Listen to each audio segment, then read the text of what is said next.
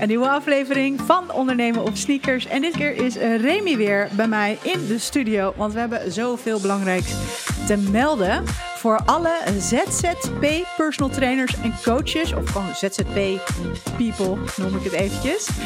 Um, We gaan het hebben over schijnzelfstandigheid. Want dat, wordt, uh, dat is gewoon heel belangrijk om daarop te letten. En ik denk dat heel veel mensen niet weten uh, dat, dat het er überhaupt is. Uh, misschien dat sommige mensen weten nog van vroeger, toen ik begon.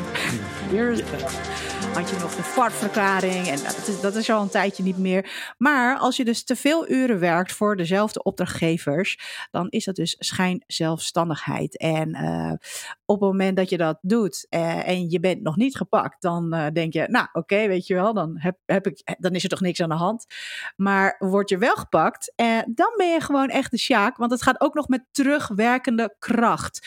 Dus dat wil je niet, uh, niet hebben. Niet als um, uh, uitvoerende partij, zeg maar. Maar ook niet als uh, partij die, die de ander, zeg maar, inhuurt. Want er zitten ook weer boetes op. Nou ja, daar gaan we het over hebben. Dus we gaan vooral kijken naar wanneer zijn dit een beetje rode vlaggetjes.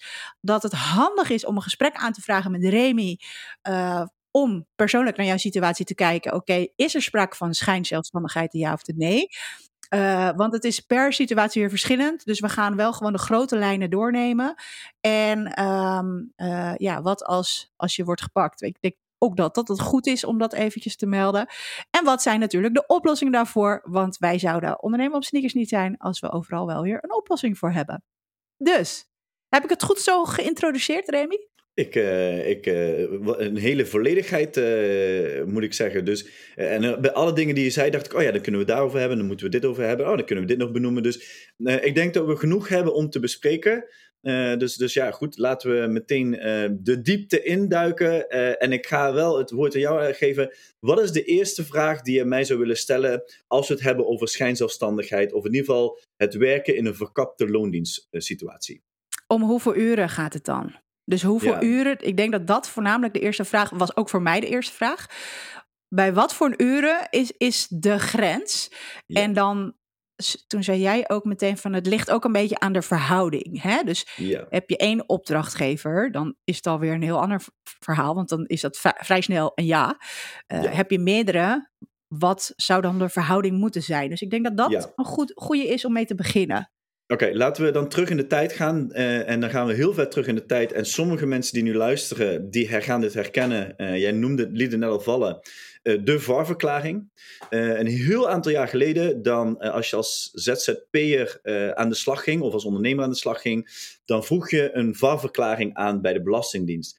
En die VAR-verklaring verklaarde dat jij erkend ZZP'er bent. Dus dat jij mag ZZP'en uh, en die haalde in de basis niet volledig. Het is een belangrijk, uh, belangrijk iets wat ik daar ook ga aanvullen zo meteen. Maar in de basis haalde je onderuit dat er geen schijnzelfstandigheid is, oftewel verkapte loondienstsituatie. Let op, en dit is echt heel belangrijk, want dan ga ik gelijk beginnen. Want het eerste wat mensen altijd zeggen, ja, maar ik heb een overeenkomst met mijn opdrachtgever, of ik heb met mijn ZZP'er, met mijn coach en trainer een modelovereenkomst. Nou, top, heel goed dat je het hebt, maar praktijk gaat boven contract. Dus dat is heel leuk, maar dat is hetzelfde als, ja, ik heb een afspraak met iemand, maar als je die niet nakomt, dan telt de afspraak niet. Dus praktijk gaat boven contract. Dus je kan dingen heel mooi in een contract neerzetten, daar kijken ze, dat is puur formaliteit. Dat was hetzelfde met die VAR-verklaringen. Je kan wel een VAR-verklaring aanvragen, maar als het vervolgens nog blijkt dat jij bijvoorbeeld onder een minimumloon verdiende, uh, als je de tarieven ging uitrekenen, dan was het nog steeds schijnzelfstandigheid. En dan houdt het verhaal ook weer heel snel op. Dus maar teruggaan naar die VAR-verklaringen. Toen was bijvoorbeeld een vereiste. Je moet minimaal drie opdrachtgevers hebben. En er was een verdeling hoe je die percentages moet verdienen. Dat bestaat allemaal niet meer bij het vervallen van de VAR-verklaring kwam de wet DBA. Nou, daar is nog heel veel discussie over gevoerd. Die werd ingevoerd en er was heel veel onduidelijkheid. Dus eigenlijk was de fiscus en de overheid nog steeds in ontwikkeling, terwijl het al gelanceerd was, over uh, regelgeving en wetgeving. Toen gebeurde er iets wat voor ondernemers op dit gebied voordelig was, maar eigenlijk natuurlijk te uh, de veelste vervelende situatie, maar daardoor werd dit uitgesteld. We kwamen in een pandemie te zitten. En tijdens die pandemie ging de fiscus, mocht niet controleren. En als ze al gingen controleren, dan moesten ze eigenlijk altijd ehm, door de vingers zien wat de situatie is. Omdat ja, de sportsector, laten we daar even op, op, op uh, uh, spe, specifiek naar die sector toe gaan. Wij moesten dicht, we misten inkomsten. En dan kun je niet als, als Belastingdienst bij een controle zeggen: Nou, we gaan je nu ook nog even met terugwerkende krachten en een boete opleggen en uh, naheffingen neerleggen. Dat is natuurlijk helemaal de doodsteek uh, voor, een ondernemer. Dus nou, er werd heel weinig gedaan, maar de ontwikkeling liep wel verder. Toen kreeg je het punt: pandemies voorbij, tenminste lockdowns voorbij. Um, dan mogen ze langzaam weer gaan controleren. Dan heb je een fase, zo'n overgangsfase, dat ze niet gelijk keihard erin slaan. Want als jij net heel veel verlies hebt geleden, wederom, dan moet het met menselijke maat gekeken worden. Dan, zo noemen ze dat dan. Uh, en die menselijke maat is dat ze je niet gelijk een volle boete moeten geven. Uh, en dan krijg je de tijd om het te herstellen. 1, 2 of 3 maanden afhankelijk van hoe groot het probleem is. Um, Alleen die tijd is voorbij, want alle afspraken over corona-achterstanden die betaald moeten worden, terugbetalen van tozo's, weet ik veel wat allemaal, die zijn allemaal gemaakt. Iedereen is weer aan het ondernemen. De tijd is voorbij, dus we gaan gewoon weer verder waar we waren gebleven. En dit is een belangrijk gegeven, want dan kom ik terug. De VAR-verklaring telt niet meer, maar we denken nog vanuit de VAR-verklaring. Namelijk een opdracht wordt per opdracht beoordeeld. Dus eh, gefeliciteerd als jij drie, voor drie bedrijven werkt, voor drie opdrachtgevers werkt. Maar dat zegt niks. Want als jij bij de ene opdrachtgever onder bepaalde omstandigheden werkt, ben je voor die opdrachtgever nog steeds schijnzelfstandig en misschien voor de andere twee niet. Dus, um, dus haal het weg van ik heb een modelovereenkomst, dus ik heb geen uh, risico. En haal alsjeblieft eruit, ik heb zoveel opdrachtgevers. Het wordt per opdracht bekeken. En Naomi, als je het goed vindt, ik ga dan ook meteen door um, met uitleg. Want hoe kijken ze dan naar een opdracht? En eh, daaruit kunnen we daar ook de juiste vragen stellen. En dan komen we gelijk bij het punt waar het vaak wat lastiger is om te bepalen vanuit harde feiten, dit staat op papier, dus het is goed. Een fiscus, die, die kijkt eigenlijk vanuit een formule. Tenminste, ik heb dat in een formule geplaatst. En Naomi, ik heb een vraag aan jou. Ken jij nog de stelling van Pythagoras? Ja. Uh, want de stelling van Pythagoras, die is... a kwadraat plus b kwadraat is c kwadraat. Heel goed. a kwadraat plus b kwadraat is c kwadraat. Nou, zo denkt een fiscus ook. Alleen halen we de kwadraten voor het gemak even weg. a plus b is c. Dus als een fiscus gaat kijken, zowel bij een ZZP'er of bij een ondernemer, dat maakt niks uit. Hè? De, de, waar, waar, je naartoe gaat, maakt niks uit. Want beide hebben verantwoordelijkheid bij de wet DBA. Uh, en dan laten we zeggen, hij komt bij een ZZP'er. Dan zegt hij tegen die ZZP'er, oké, ik zie Jij voert opdrachten uit voor deze personal training studio of voor deze CrossFit box of noem maar op. Vraag A. Is er een gezagsverhouding tussen jou en je opdrachtgever? Nou, dan zie ik heel veel mensen al denken die dit luisteren ja, daar kan ik wel een grijs gebied in vinden. Dus daar ga ik me ook niet in begeven. Dat is aan de fiscus zelf of hij dat gezag vindt, ja of nee. Uh, en dat kun je heel makkelijk nalezen wat het wel of niet is. Maar daar kun je heel veel discussies, zeker bij personal trainers kun je heel veel discussies, want het is jouw expertise die wordt ingezet. Je, jij mag vaak je eigen agenda vullen met die klanten. Dus uh, laten we zeggen grijs gebied. Nu, vraag nummer B. Kan het werk in loondienst gedaan worden? Dat antwoord is altijd ja. Want er zijn personal trainers in Nederland die in loondienst werken. Mhm. Er zijn CrossFit coaches die in loondienst werken. Er zijn massage, uh, voedingscoaches, noem ze maar op.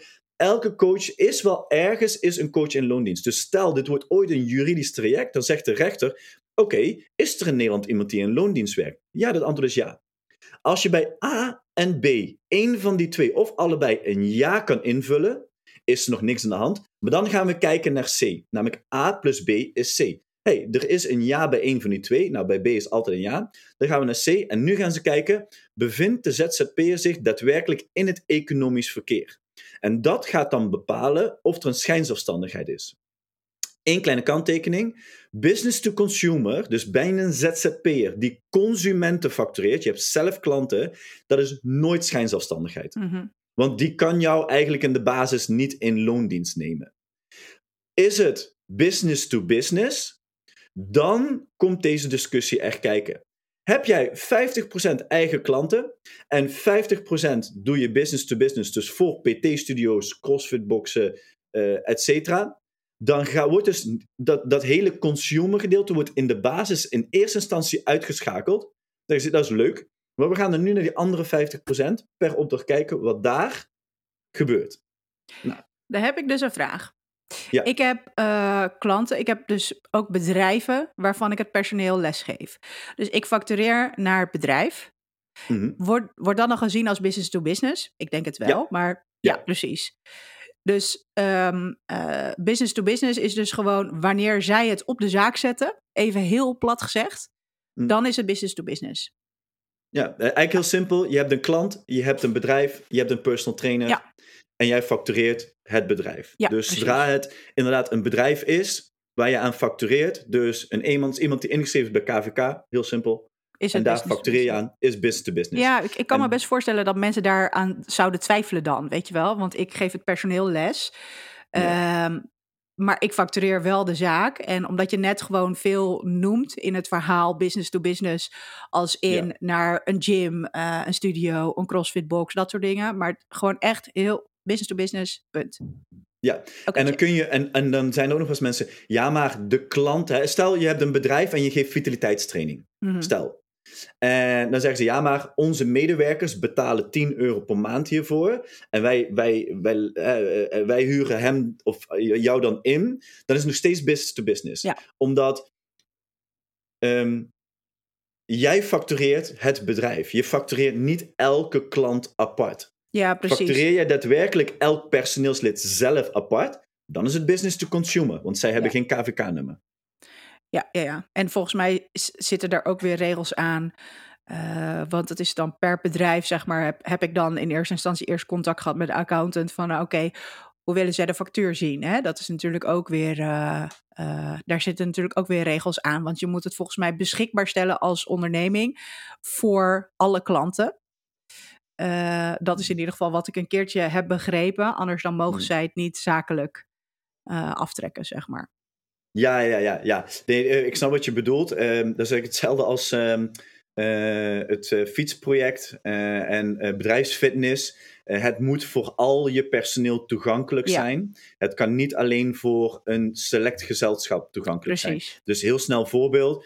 als de Albert Heijn zegt, wij willen bedrijfsfitness voor ons personeel regelen, dan mogen ze dat eigenlijk alleen maar met een, eh, officieel mogen ze alleen maar met een keten, omdat het een landelijk bedrijf is en moeten al hun personeel kunnen aanbieden. Dat geldt hetzelfde voor het bedrijf. Dus als Ja. zij 1500 personeelsleden hebben, dan moeten die alle 500 hier gebruik van kunnen maken. Ja, ja, dat is, en dat, maar dat heeft vooral ook met de afschrijving te maken vanuit het bedrijf. Ja.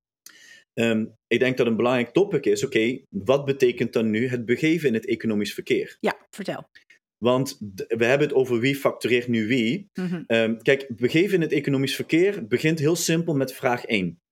Werk jij 1224 uur per jaar als ZZP'er? Mhm. Dat is gemiddeld 20 uur per week. Daar mag opleiding bij zitten, reistijd bij zitten. Maar laten we eerlijk zijn, als je 10 uur werkt, dan kun je niet 10 uur bijvoegen met opleidingen, reistijden, noem maar op. Je, dat moet wel in verhouding staan. We gaan ervan uit dat je dat, als je dat niet haalt, ben je geen ZZP'er Mhm. Dan moeten we echt eh, samen gesprek gaan voeren. Eh, haal je dat wel? Nou, top. Eh, dat is al mooi. Dan komen een paar kritische punten en daar gaan we altijd discussies op voeren. De eerste is crediteuren. In een business-to-business situatie voer jij voor dat werk, let op, voor dat werk, eigenlijk geen crediteuren op. Namelijk, je hoeft geen materiaal aan te schaffen, want die zijn vaak op de studio aanwezig. Je hoeft geen eh, huur te betalen voor de locatie, want je wordt ingehuurd per uur of voor een percentage van de klant. Opleiding betaal je misschien wel zelf, maar de crediteuren zijn minimaal om jouw werk te kunnen uitvoeren. Hier kun je nog een discussie over voeren, want tegenwoordig als virtual assistant kun je een laptop kopen, of misschien als websitebouwer, je koopt een hele goede laptop voor 2000 euro, eh, vervolgens ga je aan de slag en kun je allemaal geld binnenhalen. Mhm. Dus daar is verder helemaal niks mis mee. Ehm, dus daar kun je nog een discussie over voeren. Maar in de basis voor het werk wat je uitvoert, heb je eigenlijk te weinig crediteuren. Want iemand anders heeft die crediteuren. Want het bedrijf schaft het materiaal aan. Ja. Nu komt een volgende punt: debiteurrisico. Mhm. En dit is het punt wat heel interessant is. Er is namelijk in business to business geen debiteurrisico. En debiteurrisico is eigenlijk heel simpel uitgelegd. Is er kans dat een factuur niet of te laat betaald eh, wordt? Kortom, moet jij achter iemand aanlopen om je geld te kunnen krijgen. Dan kun je zeggen, ja, maar ik moet toch achter het bedrijf? Ja, oké. Maar in dit geval, de klant van het bedrijf betaalt een lidmaatschap of een pakket of een prijs voor de begeleiding die jij geeft. Of dat nu groepsfitnessbegeleiding is, één op één, maakt niet uit. Die klant betaalt het aan het bedrijf. Dus als een klant een wanbetaler is, dan moet het bedrijf achter die klant aangaan om te zorgen dat het geld binnenkomt. Jij echter hoeft er niet achteraan te rennen. Ja, misschien vragen ze, zou jij die klant willen vragen om te betalen? Maar jij hoeft er niks aan te doen, want jij stuurt voor jouw factuur een factuur naar, die naar, naar, de, naar de club toe of naar de PT-studio toe. En die wordt gewoon betaald, ongeacht of die andere klant betaalt. Want als je 10 klanten hebt en je krijgt per klant 100 euro, dus je stuurt een factuur van 1000 euro, dan is het niet zo, ja, jij krijgt pas betaald als we al die klanten hebben, het geld hebben ontvangen. Mhm. Dat lost trouwens ook niet dit probleem op. Maar dat krijgt dan wel eens, ja, maar wij betalen pas als wij het geld binnen hebben. Ja, dat is toch niet helemaal zo. Ehm, want dat betekent dat negen klanten betalen en dat, die, dat, dat jouw personal trainer dan moet wachten totdat die ene klant hopelijk een keer gaat betalen. En wat als die niet gaat betalen? Hoe gaat het dan in werking? Ehm, dus dat debiteurrisico, dat wordt eruit gehaald.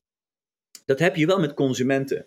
Nou, en omdat dat eruit wordt gehaald, is gewoon 80% is gewoon schijnzelfstandig in een business-to-business situatie. Hoe je het ook wendt of keert. En het is niet omdat ik vervelend wil doen, maar omdat het gewoon zo is.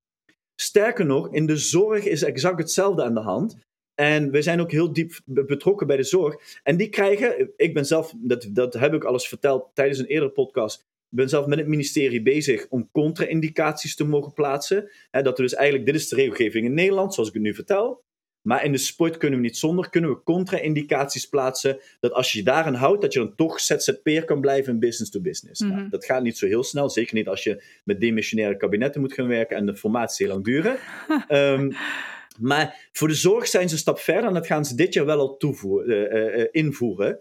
En wij zitten daar heel dicht op. Dus het kan best zijn dat onze sector daar ook dadelijk naartoe gaat.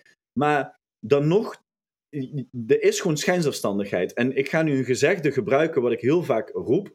eh, en onlangs ook echt op social media heb geclaimd. Een struisvogel die zijn kop in het zand steekt, wordt nog steeds nat als het regent. Ja. En dat is gewoon omdat heel veel mensen zeggen: ja, maar ik heb nog geen controle gehad. Ja, maar in deze situatie. Ja, hou alsjeblieft op. Als ik je nu ga beledigen, sorry. Maar stop met zo'n domme dingen zeggen. Want je heb- hebt geen idee voor de gevolgen. Mhm.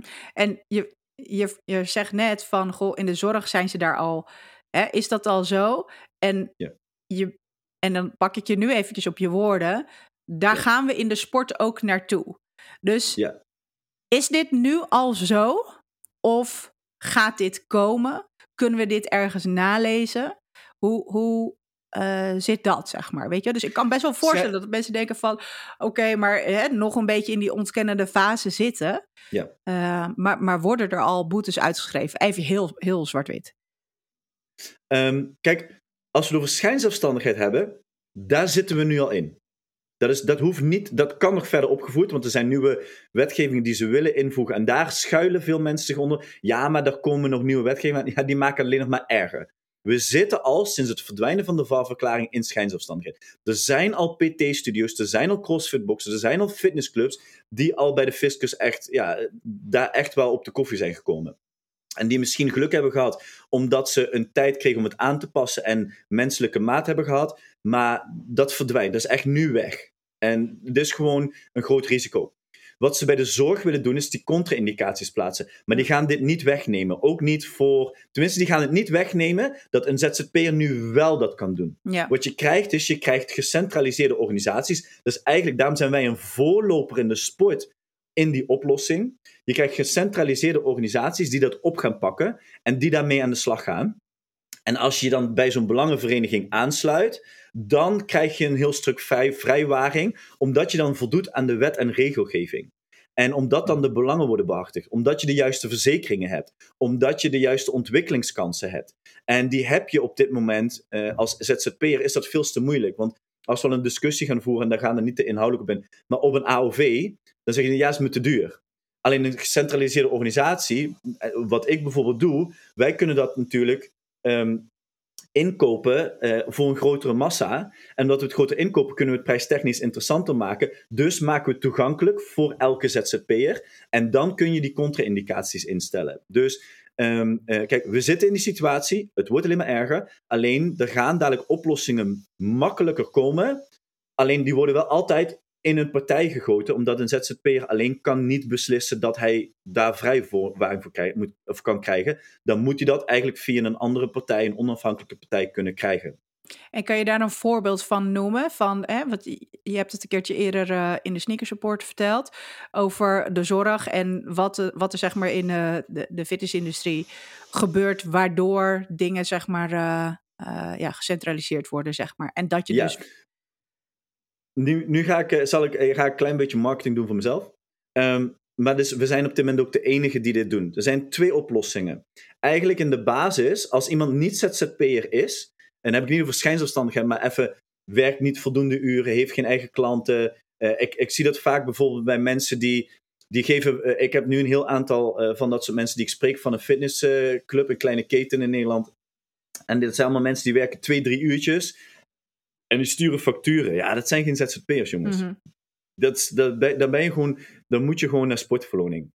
Dan sta je daar op een loonlijst, je hebt voordelen, want je wil ook niet al die nadelen van dat loondienstverband. En dan ga je naar sportverloning, schakel je al die arbeidsvoorwaarden uit, heb je nog steeds maximaal het meeste uitbetaald. Uh, maar dan ben je geen ZZP'er. Dus gewoon, je doet misschien zelfs op jaarbasis meer een administratie dan dat je daadwerkelijk een lesgever bent. Um, dus je hebt altijd zo'n zo zo'n groep, zo 1 tot 5 uur pin je je niet op vast. Dit is even zoals ik het vaak inkader. Mm 1 tot 5 uur zijn geen ZZP'ers, die moeten heel iets anders gaan doen. Dan heb je 5 tot 10 uur. Dat is een grijs gebied. Dat is afhankelijk van wat doen ze ernaast allemaal. En dan 10 en plus. Heb je iemand die 10 plus uren voor jouw organisatie werkt, of werk jij in business-to-business 10 of plus uren voor één opdrachtgever, dan moet je serieus gaan kijken naar schijnzelfstandigheid. En dan kom je weer terug. En als we dan gelijk, en, en dan zeggen mensen, ja, en dan komen we even hè, die kop in het zand steken laat me even duidelijk maken. De risico's die hierbij komen kijken, dat onderschatten mensen. Mhm. Eén, als PT-studio krijg je een boete. Twee, als PT-studio, en ik noem het even als PT-studio, als opdrachtgever moet jij, krijg je naheffing over de premies die nog betaald moeten worden met terugwerkende kracht. En drie, je moet nu dit personeelslid in loondienst gaan nemen. Je kan niet meer als ZZP'er verder. Er is een reden waarom dat hij al niet in loondienst zit. Dus waarschijnlijk kun je dat risicotechnisch niet dragen. Dus dat betekent einde samenwerking. Maar de kosten die erbij komen kijken, die zijn ook vervelend. Dat kan nog wel eens betekenen dat het ook einde samenwerking is met al de andere ZZP'ers in die organisatie. Is de organisatie weg? Dus als ZZP'er kun je wel je kop in het zand steken, maar als je geen organisatie meer hebt dadelijk, je trekt een hele hoop met je mee. Hetzelfde geldt voor de organisatie. Jij als ZZP'er, jij wordt ook gekort. Namelijk, Even heel simpel, stel je wordt voor 50% ZZP'er uh, beoordeeld en 50% word je als schijnzelfstandige. Dan zegt de fiscus, hey, dat is allemaal leuk en aardig, maar met terugwerkende kracht gaan we jouw fiscale voordelen met 50% inkorten. Kortom, je hebt zoveel voordeel gehad en de helft ervan willen wij terug hebben, want je bent voor de helft geen ZZP'er geweest. En dat beleid kan misschien uitkomen dat je misschien zelfs in de toekomst die 1224 uur niet kan voldoen, Mhm. als ZZP'er, omdat je nu loondienst. Dus ook in de toekomst ben je geen ZZP'er meer. Nou, dus, en je komt zelf nog je, je, naheffing over voordelen die je niet hebt kunnen, of die je onterecht hebt gehad.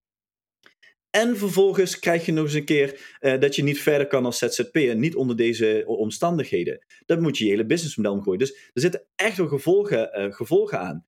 En dat kun je oplossen. En dat is, en nu, nogmaals, nu komt het marketinggedeelte even heel eerlijk voor mij, omdat we nu de enige zijn die het zo oplossen.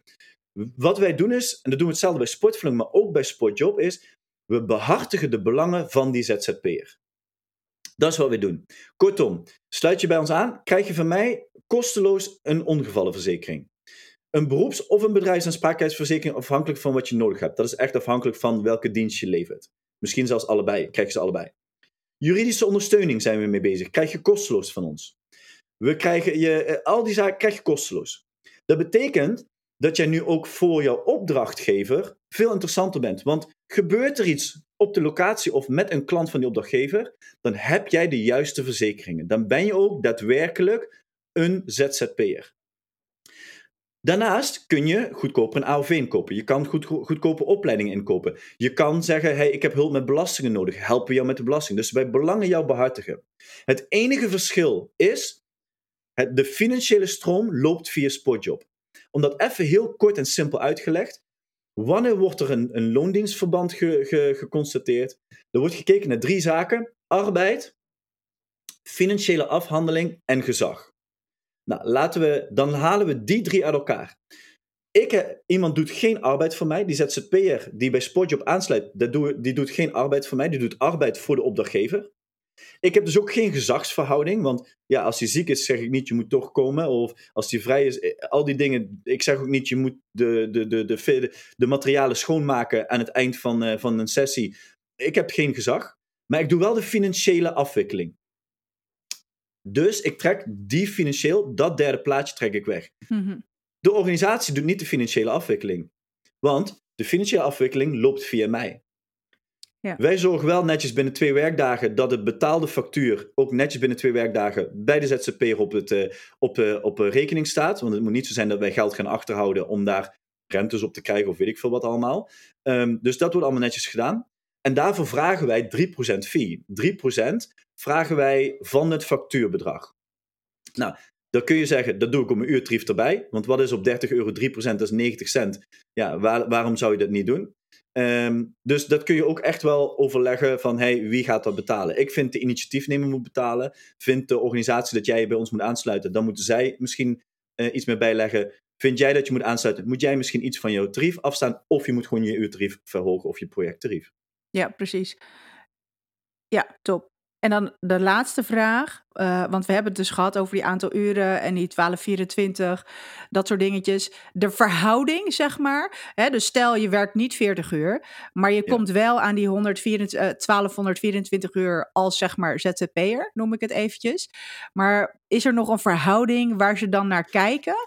Nou, verhouding is altijd heel lastig om te bepalen. Daarom zeg ik altijd 10, 10 plus uren is serieus om naar te mhm. kijken. Die verhouding wordt als volgt eigenlijk beoordeeld. Ehm, het geld wat je daar verdient, is dat voor jou van belang om van te leven? Mm dus pak even heel simpel. Stel je krijgt 30 euro per uur. Ik noem even een bedrag. Hè? 30 eh, euro per uur. Je werkt 10 uur per week. Dat is 300 euro per week. Simpel genomen is dat meer als, iets meer dan 1200 euro. Mm 4,5 week. Laten we zeggen 1300 euro per maand. Ja, daar leef je van. Je kan niet zeggen dat is een extraatje. Um, plus, als je al 10 uur werkt, dan heb je niet heel veel andere opties. Ja. Tenzij jij 30 of 40 uur alleen maar consumenten hebt. En daar verdien je 5000 euro mee. Dan is dat percentage van 1000 inderdaad wat minder. Maar in de basis zien we vaak dat het percentage wat ze bij een business-to-business, dat het essentieel is om van te kunnen overleven. Omdat het ook een bepaalde vastigheid geeft. Ehm, dus het lastige in dit verhaal, nogmaals, is om hard te bepalen van hier zit een grens.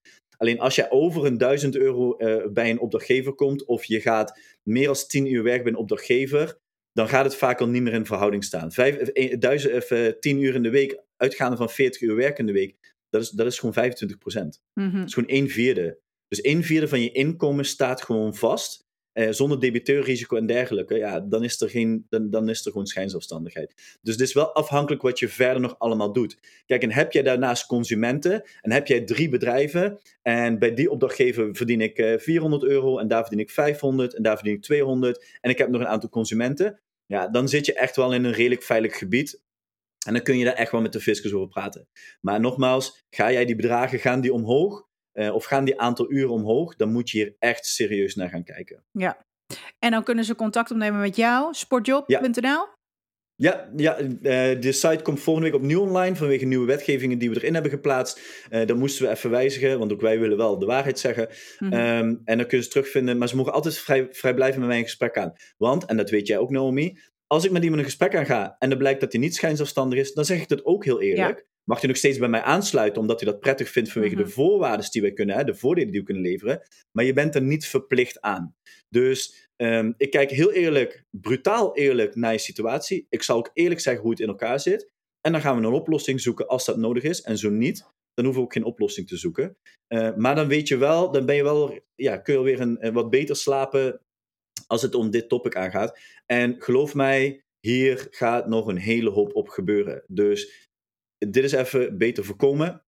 Dan, Dan genezen. genezen. Ja, ja, ja. En, en dat hebben we net nog niet echt verteld. Hè? De, dus er zitten nog veel meer voordelen aan om bij jou aangesloten te zijn. Of het via Ja, jou maar om er niet een marketing po- po- Ja. podcast van te maken, eh, zal, hou ik dan nog in. Maar en nogmaals, Ja. ben je geïnteresseerd? Je mag altijd verblijvend met mij contact opnemen. Stuur een mailtje naar info.sportjob.nl. Eh, vanaf eh, volgende week gaat de website weer online met de nieuwe wetgeving, et cetera. En dan komt dat helemaal goed. En dan kijk ik gewoon puur even heel centraal naar, hey, hoe staat het ervoor? Maar nogmaals, en dit is echt mijn tip, haal je kop uit het zand. Want nogmaals, als het regent, word je nog gewoon nog steeds nat. Ja, precies. En je hebt nu een paar keer, eh, volgende week komt de website online, dan is deze podcast, eh, eh, die komt ietsje later online. Dus dat is allemaal, hè, daar, je kan gewoon meteen naar de website toe. Het is in kannen en kruiken. Huppa.